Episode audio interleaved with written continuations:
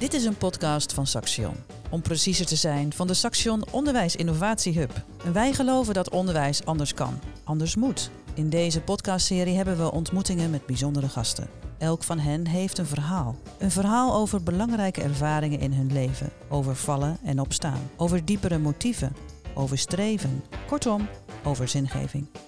Je zou het ook de purpose van het bestaan kunnen noemen. Die verhalen zijn verschillend en elk volstrekt uniek. Ze gaan ons laten zien hoe we samen een plek in de wereld kunnen vinden. Want ieder mens is al geslaagd. De kunst is om dat te leren zien.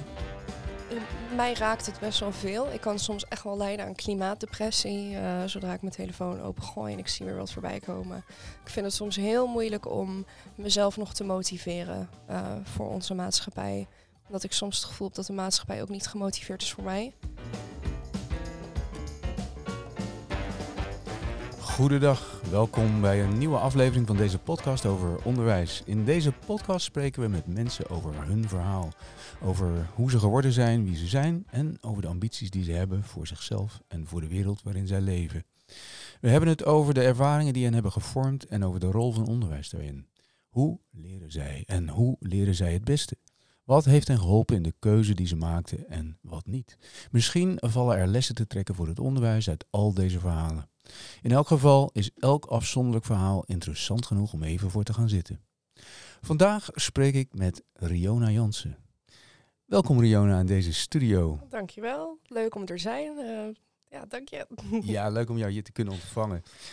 Eh, we gaan vandaag met elkaar in gesprek over jouw verhaal. Ehm, en ja, dus misschien nog even kort jouw achtergrond. Jij bent student toegepaste psychologie aan Saxion, Hogeschool Deventer. Ja. Eh, en medeoprichter, en dat is denk ik wel relevant, want dat is een deel van jouw verhaal, zoals ik het Ja. begrijp. Hè. Eh, je bent medeoprichter en voorzitter van studievereniging Queer. Yes, En dat is klopt. Best recentelijk gebeurd dat je die oprichting gedaan hebt. Ja, dat is nog niet zo lang inderdaad. Daar gaan we het over hebben. Dus eh, ik ben heel benieuwd naar jouw ja, belevenissen daarin en hoe je dat ervaart. Kun je eens beginnen met te vertellen wie jij bent? Nou ja, ik ben dus eh, toegepaste psychologie-student. Ik zit in het derde schooljaar. Eh, dus langzaamaan ook richting afstuderen toe. Ehm, ik heb wel heel veel zin om eh het psychologie-werkveld in te gaan. Dat is ook wel echt iets waar ik passie voor heb. Nou ja, ik ben dus voorzitter en oprichter van studievereniging Queer. Omdat ik zelf ook queer ben, daar ide- identificeer ik me mee. En ehm, ja, ik vond het gewoon heel belangrijk om daar wel wat mee te doen. Net zoals dat de medeoprichters dat vonden. Ehm, dus ja, druk mee bezig, halen we heel veel plezier uit. Ehm, Hey, en je zegt psychologie, dat is echt, dat past bij mij. Eh, hoe, hoe bedoel je dat? nou ja, ik merk, ik heb nog niet eerder gehad bij een opleiding dat ik me zo op mijn plek voelde en zoveel Je hebt plezier andere had. opleidingen ook gedaan? Ja, ik heb een eh, tijdje journalistiek gestudeerd op het Windesheim. Eh, ja, ik dacht, oh, daar kan ik lekker al mijn interesses in kwijt, want ik heb er zoveel. Dan kan ik lekker over alles wel een verhaaltje schrijven. Maar ik merkte uiteindelijk toch dat ik echt alleen maar bezig was met de mens en menselijk gedrag. En dat dat, waar, ja, al mijn artikelen gingen daar eigenlijk over. Nou ja, ik merkte ook wat ik het jammer vond om hè, te starten met een artikel en dan na een week is het af en dan mag je weer door naar een volgende onderwerp. Ik vond het wel lekker om er af en toe even echt diep in te bijten. En kwam je er daarachter dat eh, de verhalen van mensen, of in ieder geval het menselijk gedrag, of hoe je het ook wil eh, duiden, dat dat, dat jou interesseerde vooral? Ja, want ik had daarvoor al wel een soort van idee erbij van, oh, dat is iets wat ik ook interessant vind. Uh, maar ik had nog niet zo goed beeld van dat dat eigenlijk hetgeen was wat ik het meest interessant vond. Dat kwam wel echt naar voren op die opleiding inderdaad. En wat is daar zo interessant aan? Je kan je blijven verbazen over de mensen en het gedrag. Nou ja, ik denk ook wel een deel hè, mezelf willen ontdekken en mezelf willen begrijpen. En dat het dan ook interessant is hè, om anderen te begrijpen. Ja, en ik ben in mijn jeugd toch wel veel in aanraking gekomen met eh, hulpinstanties betreft mentale gezondheid. Um, en ik vond het wel belangrijk om daar dan ook een rol in te spelen later. Ik heb het zo van dichtbij meegemaakt dat ik ook heel goed weet wat ik zelf heb gemist of wat ik graag had gewild. Okay. Um, Want uh, is daar in jouw ervaringen destijds uh, ook gebleken dat je tekortkomingen zag daarin? Of dat je dacht van nou, dat kan beter of dit is goed en ik wil dat zelf ook kunnen. Hoe, hoe ging dat voor jou? Nou ja, ik heb wel een aantal ervaringen gehad met hulpverleners waarbij het wat minder goed ging. Uh, mijn vader en mijn zusje hebben bijvoorbeeld ASS, dus autisme spectrumstoornis. En je merkt dat sommige hulpverleners gewoon echt niet zo goed weten hoe ze daarmee om moeten gaan. Je moet gewoon net even wat andere manier van communiceren toepassen. Um, maar ja, dat is wel eens misgegaan met die hulpverlening die wij toen hebben gehad, waardoor uh, er uiteindelijk toch weer ruzies of zo ontstonden binnen het gezin. Dus ik heb wat dat betreft wel echt iets gemist. Maar ik heb ook hulpverleners gehad die ik zo fijn vond, waar ik me zo fijn op mijn plek voelde, dat ik dacht, goh, wat mooi dat zij dat voor mij kunnen doen. Wat fijn als ik dat ook voor anderen kan doen later. Dus uh, ik denk van allebei een beetje.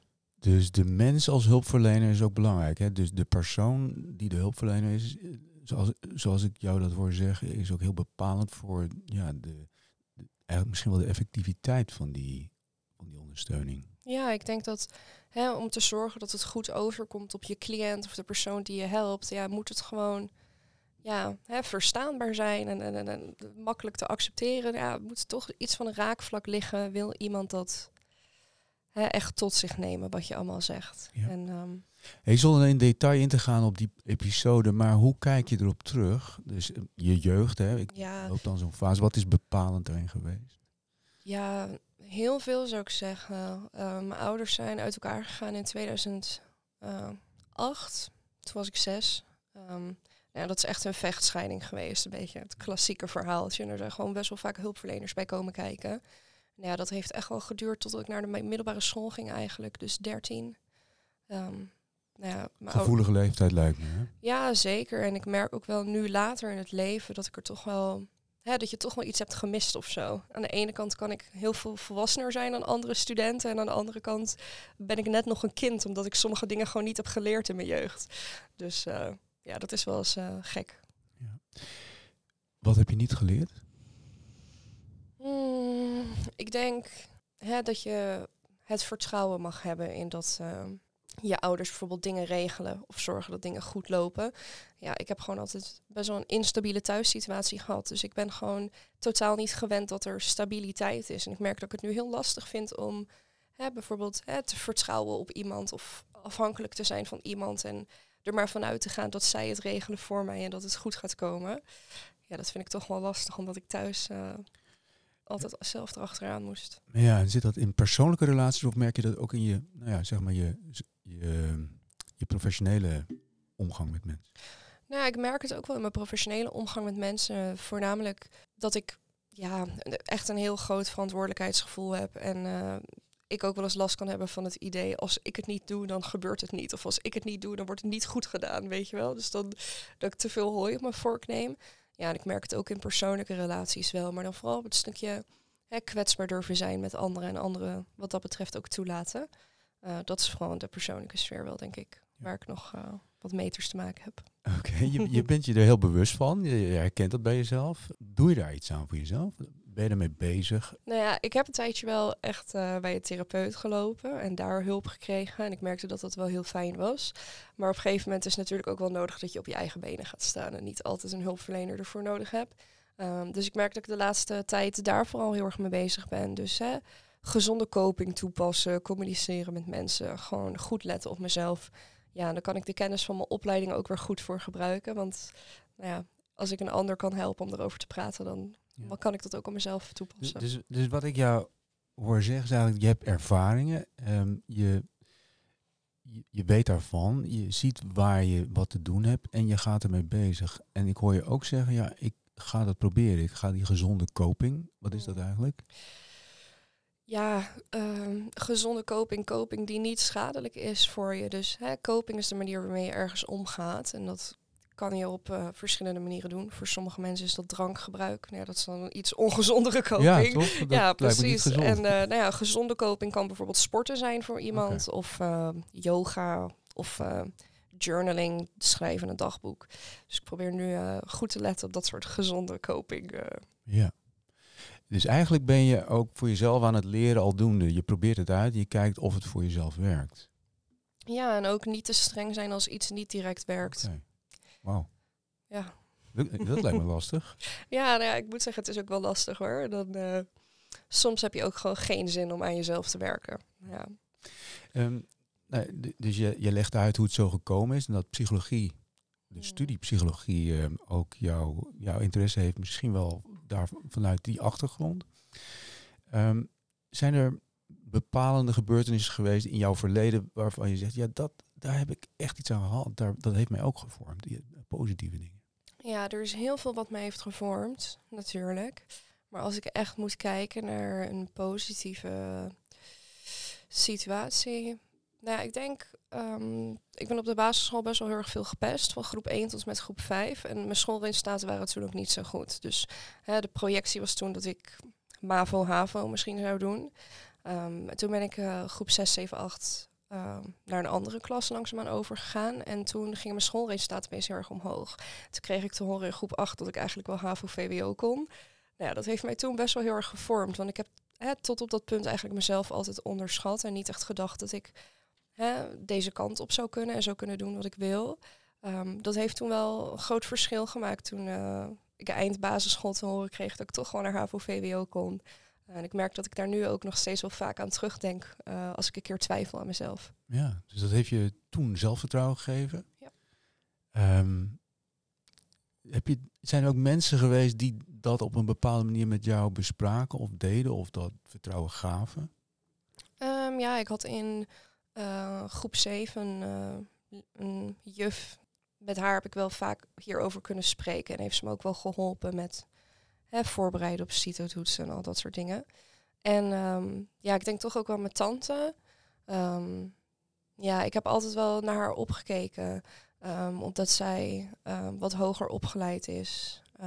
Ja, ze heeft dan wel een partner, maar ze zijn niet getrouwd, geen kinderen. Ze reist veel, ze doet allemaal gave dingen in haar leven. Ja, vanaf jongs af aan was ik daar altijd al helemaal uh, van in de ban. Uh, maar ik merk wel dat zij nu degene is met wie ik over dit soort dingen praat. Als het gaat om school, werk, geldzaken. Uh, Nog steeds? Ja, altijd. Altijd. Eigenlijk een soort mentor uit je eigen familie. Ja, en ik denk, zij heeft mij ook wel heel erg duidelijk gemaakt dat um, een opleiding doen ook wel echt een verschil maakt. Beide mijn ouders hebben dat uh, toch op een hele bijzondere manier gedaan. En er zijn ook niet zo heel erg opgeleid. Uh, ik en mijn zusje. Wat zijn... bedoel je met bijzonder? Nou ja, bijvoorbeeld, ja, Volgens mij heeft mijn vader na de middelbare school geen diploma meer. Heeft hij wel wat geprobeerd op de landbouwschool, maar dat uh, ging niet helemaal uh, naar behoren volgens mij. Uh, en die, toen heeft hij gewoon heel veel werk gedaan en andere cursussen en certificaten behaald. Nou ja, mijn moeder is echt, um, ja, toen ze 40 was, nog doorgaan studeren naar een MBO-4-opleiding. Dus, nou ja, dat mijn ouders hebben allebei wel wat een bijzondere route belopen. mijn tante ook daar niet van. Maar mijn tante ja, heeft ook universiteit gedaan. Mijn zusje zit nu op de unie, ik zit op het hbo, dat is toch iets hoger. En ik merk wel dat als ik advies wil over school inhoudelijk, dan ga ik toch snel naar mijn tante. Omdat ze daar goed uh, ja. bij kan helpen. Maar zeg je hoger is beter? Dat niet per se. Um, ik, ja, hoger opgeleid, lager opgeleid. Ik vind eigenlijk die term ook niet heel chill. Ja, maar ja, het gaat er denk ik meer om... Uh, mijn ouders hebben altijd geldproblemen gehad. Omdat zij hè, minder verdienden met een baan die eh, minder betaald krijgt, omdat het voor lager opgeleide mensen is. Of lager opgeleide mensen. Nou ja. Mijn tante heeft wat dat betreft gewoon wel wat meer te besteden en heel veel financiële vrijheid en stabiliteit. Iets wat ik van het huis uit eigenlijk helemaal niet ken. Uh, en wel iets wat ik wil bereiken voor mezelf in de toekomst. Dus um, nou ja, daarvoor vind ik het wel belangrijk dat ik gewoon goed studeer. Um, maar ook doe wat ik leuk vind. Dus stel dat was een MBO 4 opleiding geweest, had ik een MBO 4 gedaan. Maakt ook niet zoveel uit. Nee. Nou ja, dus ik weet niet hoe jij het ziet, maar we noemen dat tegenwoordig ook wel um, theoretisch en praktisch opgeleid. Ja. Hè? Misschien is dat, dat Betere die benaming, dat onderscheid op die manier beter. Um, want in deze maatschappij hebben we ook heel veel behoefte juist aan praktisch opgeleide mensen. En daar kun je ook Zeker. een fantastische carrière mee opbouwen. Zeker, en er valt ook zeker geld te verdienen. Dus uh, Ja. En een bijdrage te leveren. aan de maatschappij.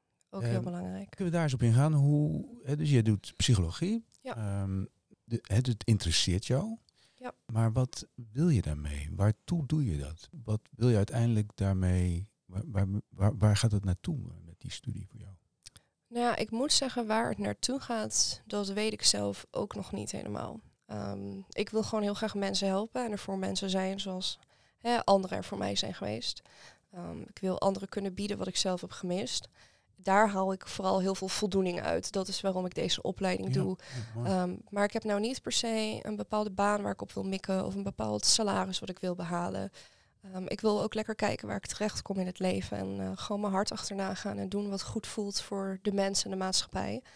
nou ja, ik zie mezelf wel snel in de richting van werken met jongeren gaan. Of uh, toch LHBTI plus gerelateerde onderwerpen uh, daarop hulpverlening kunnen bieden. Dat is wel hetgene wat het dichtst bij mijn hart ligt, waar ik het meest uit haal. Dus wat ik, wat ik jou hoor zeggen is, um, ik wil mensen kunnen bieden wat ik zelf gemist heb. Ja. Dat is een mooi streven, denk ik. Wat is jouw droom voor de wereld? Ja, dat... Uh, we, zitten, we zitten natuurlijk in een... ja, goed, jij bent al jong. Ja. Ik ben al iets ouder. En, en de wereld verandert permanent. Mhm. En het lijkt wel alsof dat steeds sneller gaat. Ik weet niet, dat kan ook komen doordat je erin zit. Um, maar we zitten nu, in mijn beleving, en dat hoor je ook om je heen natuurlijk, wel in een, in een toch uh, ingewikkelde situatie, zowel in Nederland als uh, in de wereld, waarin uh, veel crisis, zoals dat ook benoemd wordt, tegelijkertijd zich afspelen. Mm. Hoe ervaar je dat als nou, jong mens? Nou ja, ik moet zeggen, ik, mij raakt het best wel veel. Ik kan soms echt wel lijden aan klimaatdepressie, zodra ik mijn telefoon opengooi en ik zie weer wat voorbij komen. Ik vind het soms heel moeilijk om mezelf nog te motiveren voor onze maatschappij omdat ik soms het gevoel heb dat de maatschappij ook niet gemotiveerd is voor mij. Nou ja, en... Ehm, niet gemotiveerd voor jou? Nee, ik ben niet de persoon waar de maatschappij rekening mee houdt, heb ik het gevoel. Zo. Kun je dat toelichten? Hoe bedoel je dat? Nou ja, ik ben natuurlijk een wat vollere persoon met een lager inkomen. Ik ben dan wel wit, wat natuurlijk een privilege is, maar ik ben ook queer. Dus ik ben niet heteronormatief. Um, nou ja, dat geeft mij gewoon wel wat eh, streepjes achterstand. Um, en ik merk gewoon dat ik me soms. Waar merk je dat? Um, nou ja, bijvoorbeeld betreft uh, mijn kamer. Mijn ouders geven mij eigenlijk geen geld in de maand. Ik kan af en toe wel vragen om wat te lenen, maar ze, ze helpen me niet met huur. En dan hoor ik vervolgens een andere student: Oh, mijn ouders betalen 50% van mijn huur. Ja, dat is wel een privilege voor die persoon. Ik heb dat niet. Ik word niet echt. Maar hoe heeft dat te maken met je? Nou ja, als ik dan vervolgens kijk naar bijvoorbeeld eh, ons leenstelsel, de studiefinanciering, ja. dan voel ik me soms best wel. Maar heeft dat te maken met de kenmerken die je net noemde?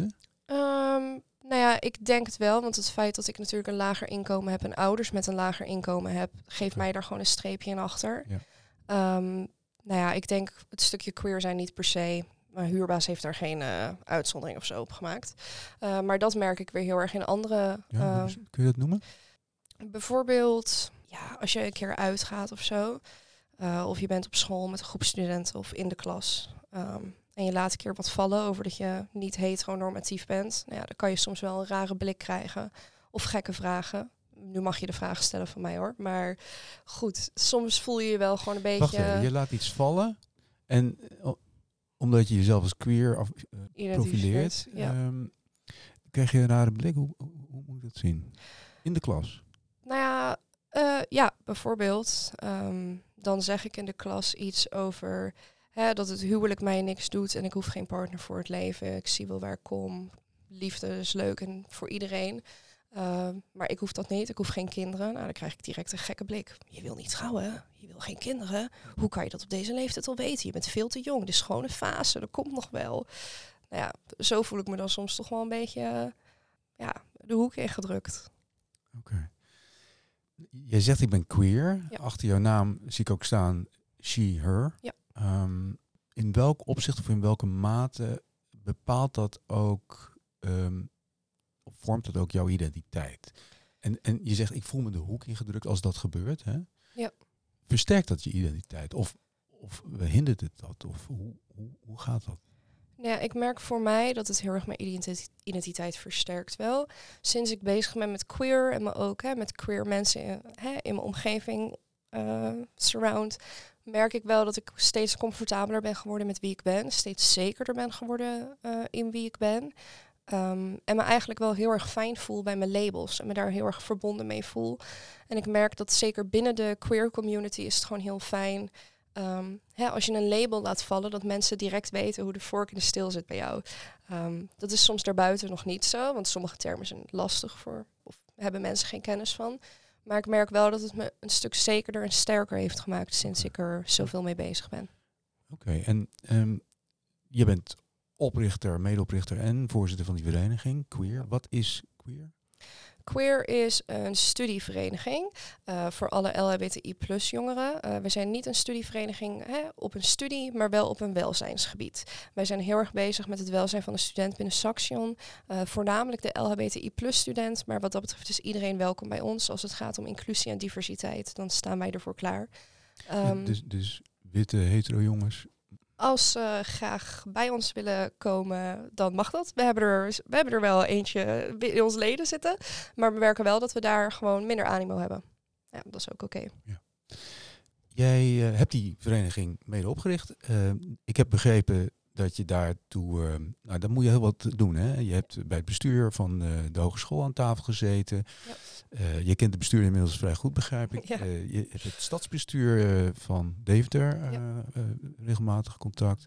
Je bent in raadsvergadering geweest om daar toelichting op te geven, begrijp ik.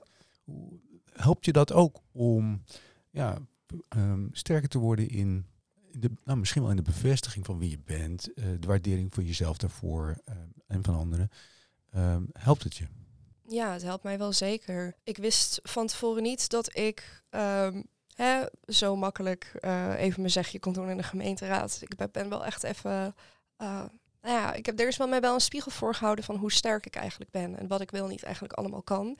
Ik had nooit van tevoren voor ogen gezien uh, dat we met queer zoveel konden bereiken. Maar even over jou, en je hebt het gewoon gedaan. Ja. Ik heb mijn zegje gedaan, zeg je. En dat ja, ging. Ja, precies. In de dus, gemeenteraad. Ja, dat zijn Tijdens een plenaire vergadering, denk ik. Ja, was plenaire. Nou ja, dat is toch wel. Ik moet zeggen, soms dan uh, bagatelliseer ik het nog wel een beetje voor mezelf. Hoor. Dan ben ik misschien iets te bescheiden. Maar uh, ja, ik mag er wel echt heel trots op zijn. Wat, um, wat is de les daaruit? Dat je meer kan dan je denkt wanneer je de kans maar krijgt. Dan uh, gaat het 9 van de 10 keer wel. Dus kans krijgen, maar ook kans, kans pakken. Zeker, zeker. Ook werken voor je kansen, inderdaad. Ja. Oké, dat, dat, hè, dus dat is belangrijk, dat je gewoon ook gewoon maar probeert en kijkt hoe dat gaat. En stel nou dat het niet zo goed gaat, wat gebeurt er dan? Nou ja, we hebben sowieso binnen de vereniging ook wel eens periodes dat het wat minder goed gaat. Nou ja, ik merk dat ik het soms wel lastig vind. Queer voelt toch wel echt een beetje als mijn kindje. Dus ik trek het me soms ook wel heel persoonlijk aan wanneer het niet goed gaat. Uh, daar mag ik nog wel leren, hè, soms hè, mijn privéleven ook te scheiden van wat ik aan het doen ben bij queer. Maar um, ja, wat wij hebben gemerkt is dat ik en de andere bestuursleden, maar ook onze commissieleden, we voelen ons allemaal zo verbonden met de vereniging dat uiteindelijk komt het wel goed. We vangen het altijd weer op met elkaar. En dat we ook mogen vertrouwen op dat hè, we allemaal ons best doen en ons steentje willen bijdragen hiervoor. Ja, je bent ook heel druk mee geweest, ja. en nog steeds uh, wellicht. Um, je hebt een groep waarmee je dat doet het is in en rond het onderwijs. Die groep die zal op een zeker moment ook van samenstelling gaan veranderen. Hoe, hoe vangen jullie dat dan op? En hoe ga jij daarmee om? Um, nou ja, we zijn er nu al wel druk mee bezig. Um, je hoort binnen Saxion van veel verenigingen dat het heel erg lastig is om nieuw bestuur te vinden, nieuwe commissieleden te vinden. Nou ja, ook wij lopen daar tegen het probleem aan. We hebben echt wel mensen tekort. We zijn druk bezig met nieuwe mensen werven. en inderdaad, daarmee komt ook dat uh, hè, de groep verandert en de verhoudingen veranderen. Ja, soms is het wel lastig. Uiteindelijk werk je toch allemaal met mensen. En mensen hebben altijd hun dingetjes. Um, en ook daar lopen wij echt wel eens tegenaan binnen de vereniging. En dan merk ik dat mijn achtergrondkennis vanuit TP, uh, toegepaste psychologie, daar wel echt bij helpt. Um, ja, het is gewoon werken met mensen. En uh, soms is een luisterend oor al voldoende. Soms moet je een keer wat meer met elkaar doen. Nou ja, dat is geen probleem. Dus dat pakken we wel op binnen de vereniging. Heb jij ook uh, bestuurstijd gekregen voor je studie? Nou ja, studietijd uh, volgens mij, ja, ik kan wel een bestuursvergoeding krijgen, dat is gewoon financiële vergoeding. Maar uh, studiepunt of studietijd, dat uh, is voor ons niet aan de orde. Waarom niet? Nou ja, ik weet dat er wel veel vraag naar is bij verenigingen. Goh, kunnen we misschien studiepunten compensatie krijgen voor wat we hier aan het doen zijn? daar hebben we het ook wel over gehad met het college van bestuur een keer. Ja, um, maar er zitten gewoon heel veel haken en ogen aan. Hm. Dus volgens mij ziet Saxion dat niet helemaal zitten. Nee. Het is moeilijk, dat kan me voorstellen, maar is het een goede leerschool? Nou, ik zou zeggen van wel. Als ik kijk naar mezelf alleen al, ik, ben, ik heb dit afgelopen jaar meer geleerd dan een half jaar praktijk, zeg maar. Omdat ik nu echt aan het doen ben en het op eigen benen moet doen. Uh, maar ook als ik kijk naar mijn commissieleden, die zijn zo gegroeid alleen al dit jaar met alles wat ze hebben moeten doen en alles wat ze hebben moeten leren. Ja, en ze zetten zichzelf ook wel echt in, um, ook voor Saxion op het gebied van beleid, betreft inclusie en diversiteit, sociale veiligheid op school. ja, daar zijn wij gewoon wel heel erg veel mee bezig. Dus ja, het zou, het zou een leuke compensatie zijn als er iets voor over zou kunnen staan als studiepunt of studietijd. Dus jouw studie, TP, psychologie, toegepaste psychologie, is, heeft een curriculum en dat moet je aflopen om Ja. diploma te halen. Ja. Tegelijkertijd doe je daar iets naast waarvan je zegt, ja, dat is heel leerzaam en, en dat Ja. geldt voor anderen ook. Ehm, maar dat wordt niet gewaardeerd in termen van ja, zinvolle tijd eh, die ik ook in, in relatie tot mijn studie zou, zou kunnen eh, moeten eh, verzilveren, zou ik maar zeggen. Je leert daaruit ook voor, voor de toekomst, voor de Ja. professional die je wordt. Zeg ik het goed of zit het... Nee, je zegt het helemaal goed. Ik, ik heb gesprekken gevoerd, nou, hele intakegesprekken zowat. Hè. Dan- komt er weer een keer een lid best wel overstuurd lokaal binnen. Nou, ja, dan ga je toch even zitten en het probleem even uitvragen. Nou, ja, ik heb zoveel geleerd in gespreksvaardigheid, coaching, maar ook een beetje arbeids- en organisatiepsychologie. Stel nou dat je dat Nou ja. had ingebracht als, eh, kijk, eh, opleiding, hier heb ik eh, een, een, een zelf ingerichte minor gemaakt. Of dit is een Mm. bepaald aspect van de module die ik bij jullie ook moet doen, maar dan anders. Kan ik dat niet? Verzilver op die manier. Ik heb er wel over nagedacht, maar het voelt ook wel als heel veel werk en heel veel onzekerheid. Dus dat is eigenlijk een beetje waarom ik er nog van weg ben gebleven. Ja. Ik heb wel gekeken naar andere minoren waarbij ik misschien hè, werk voor queer zou kunnen doen en inleveren voor studiepunten. Ze zijn er wel, maar het aanbod is niet groot. Je moet ook wel goed zoeken, wil je het vinden. Dus ja, dat, dat, wordt niet, dat is niet al te makkelijk. Het zou kunnen. Zelf vind ik het gewoon iets te veel moeite eigenlijk. Oké, die, die, die- die- dat al dat werk in die vereniging kost jou ook heel veel tijd, heel veel Ja. moeite. Waarom, waarom eh, steek je al die tijd er nou in? Nou, soms vraag ik me dat ook wel af. Maar dan eh, zie ik vervolgens wat ik eruit haal. En dan, eh, Wat haal je eruit? nou ja, naast een stukje voldoening natuurlijk, ehm, trots zijn, ehm, heb ik er ook heel veel vrienden uitgehaald. Allemaal leuke dingen om te doen. Ik ben zelf niet zo'n fan van uitgaan, maar hè, wanneer ik het uitgaansfeestje organiseer, of mijn vereniging, nou, dan maakt het opeens een stuk leuker. Dus ik heb wat dat betreft, ehm, ja, haal ik er echt zoveel dingen uit. Of het nou hè, heel erg casual, een biertje doen is gezellig, of eh, echt in, inhoudelijk nieuwe kennis opdoen over werken met mensen. Ja, ik haal er heel veel uit. Dat is waarom ik de tijd erin steek. Je zei net eh, iets in de sfeer van, ik heb hier eh, heel veel geleerd, misschien wel meer dan in mijn eigen opleiding, of een deel daarvan. Wat zijn de implicaties daarvan? Dus wat leren wij daaruit? Of wat, eh, wat betekent dat dan voor onderwijs? Hè? Dus je volgt je passie, je doet daar iets in, je bent er heel druk mee, maar je leert er ontzettend veel van. Kunnen wij in het onderwijs iets leren over? Nou, ik denk het zeker wel. Ik denk dat wat er, wat sowieso uit te halen is, is dat praktijk echt heel motiverend werkt. Ehm, even kunnen meedraaien in de praktijk en kunnen oefenen. Echt, nou ja, dat maakt gewoon heel motiverend. Als je erachter komt dat het dan ook nog eens goed gaat, nou, dan voel je al helemaal tof. Eh, maar ik denk ook dat wat ik zie is dat ehm, de studenten die wij hebben bij de commissies, maar ook naar mezelf, je werkt gewoon een stuk harder voor iets als je echt die intrinsieke motivatie hebt. Dus als je het echt doet, omdat dat een beetje jouw purpose is en jij daar voldoening uit haalt. Als je het echt doet, Ja, in het echt, voor het echt. ja, Ja. ja. Met de burgemeester en de Precies, maar ook dat je de effecten van je werk direct kan zien. Kijk, onze commissieleden als die een feest organiseren, dan zien die binnen een uur of men het naar hun zin heeft. Nou, en dan hebben ze alweer die bevestiging gekregen. Ehm, soms bij een opleiding is dat gewoon lastig. Dan moet je wachten totdat je weer een cijfer hebt behaald. En dat wordt beoordeeld aan de hand van een rubrics. En nou ja, dat voelt allemaal toch wat statischer. Uh, je ziet minder snel je resultaten terug. Want ja, als je een 6 haalt op een toets, wat zegt dat uiteindelijk nou echt? Terwijl als mensen hè, zeggen, wauw, ik heb echt wat geleerd bij jullie educatieve evenement. Nou ja, dan zie je al direct waar je het voor doet. Ik denk dat dat ook een groot verschil maakt. Wat zou je willen voor het onderwijs? Misschien moet ik het even iets anders eh, eh, te- vragen. Eh, dus je doet een opleiding aan een hogeschool. Ehm het is helemaal jouw keuze, dus het, het past ook bij je, dus daar ben je tevreden over. Ehm, tegelijkertijd zeg je, nou ja, hè, dus het, het is wel wat statisch zoals dat gaat en je moet voor een cijfer gaan werken. Ja. Wat is er nodig om het niet alleen aantrekkelijk, maar ook zinvol en betekenisvol te maken en motiverend? Ja, ik denk meer resultaten zien van wat je aan het doen bent. En hoe je dat kan implementeren is denk ik heel erg lastig. Je wilt studenten niet allemaal extra praktijkopdrachten gaan geven, want daar zitten ze ook niet helemaal op te wachten. Maar misschien kan je een bestaand vak net wat anders inrichten, waardoor er echt een eindproduct is of echt een resultaat op tafel komt. Of je echt kan zien of merken als student wat je nou daadwerkelijk aan het doen bent. Ik denk dat dat een groot verschil zou maken. Je hebt ook een tijdje in een anders programma, anders programma eh, meegedaan. Ja. Wat had je, wat had je daaraan? Nou ja, ik merkte eigenlijk dat ik daar ook een beetje hetzelfde eruit haal als wat ik dat doe bij Queer. Je ziet je effecten echt. Als ik een work, eh, ik heb een workshop georganiseerd, twee bij eh, ons HP. HP waar jij docent bent. ik ben geweest. Anders program. Oh, programma. Ja.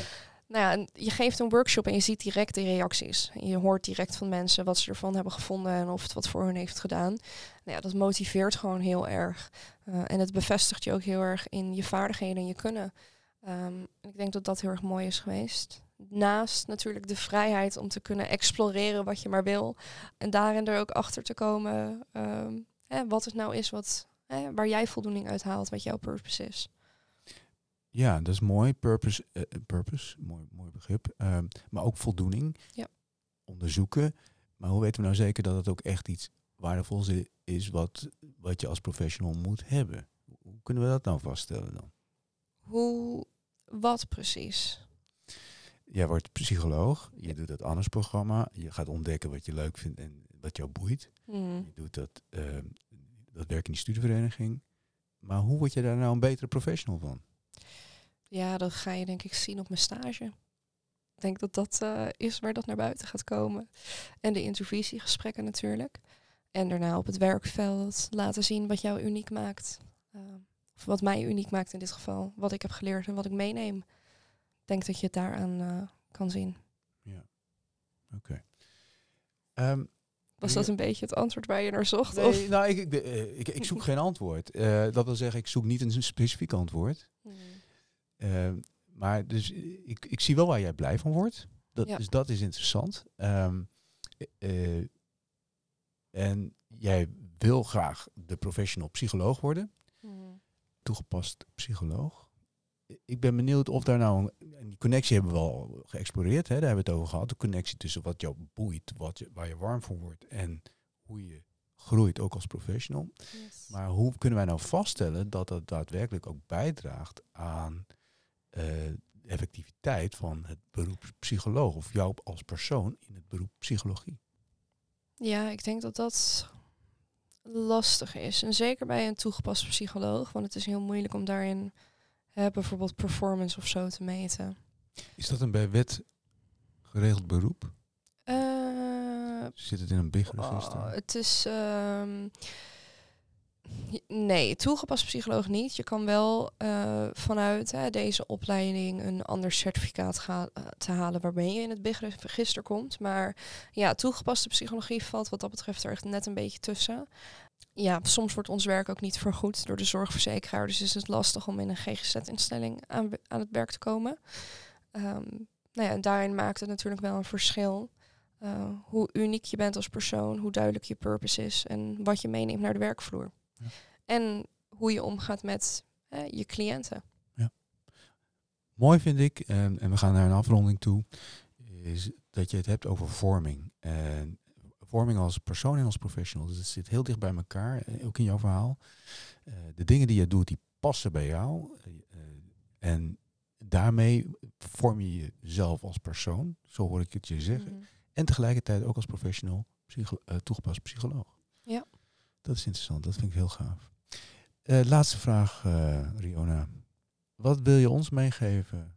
Ja, tip, dat klinkt dan zo plat, maar wat wil je ons meegeven voor onderwijs? Nou ja, ik zal als tip geven, blijf vooral dit soort dingen doen. Hiermee zet je namelijk wel de student aan het denken. Wat voor soort dingen? Zoals de podcast of een docu of een voorlichting. Laat het vooral de studenten weten. Want ik denk dat er nog zoveel onwetendheid is onder studenten. Oh. Welke kansen er allemaal liggen bij Saxion. En hoe meer zij daarover geïnformeerd worden, hoe meer het in hun gezicht gedrukt wordt. eh, hoe sneller ze er ook wat mee zullen doen. Dus eh, ik denk dat jullie heel, bezig, heel goed bezig zijn en ga vooral zo door. Nou, dat is een mooie afsluiter. Dankjewel, leuk om met jou eh, in gesprek geweest te zijn. En eh, wij gaan op naar de volgende aflevering. Dankjewel. Dankjewel. Dit was een productie van de Saxion Onderwijs Innovatie Hub. Heb je ideeën of wil je weten wat we allemaal doen? Kijk dan op saxion.nl voor meer informatie.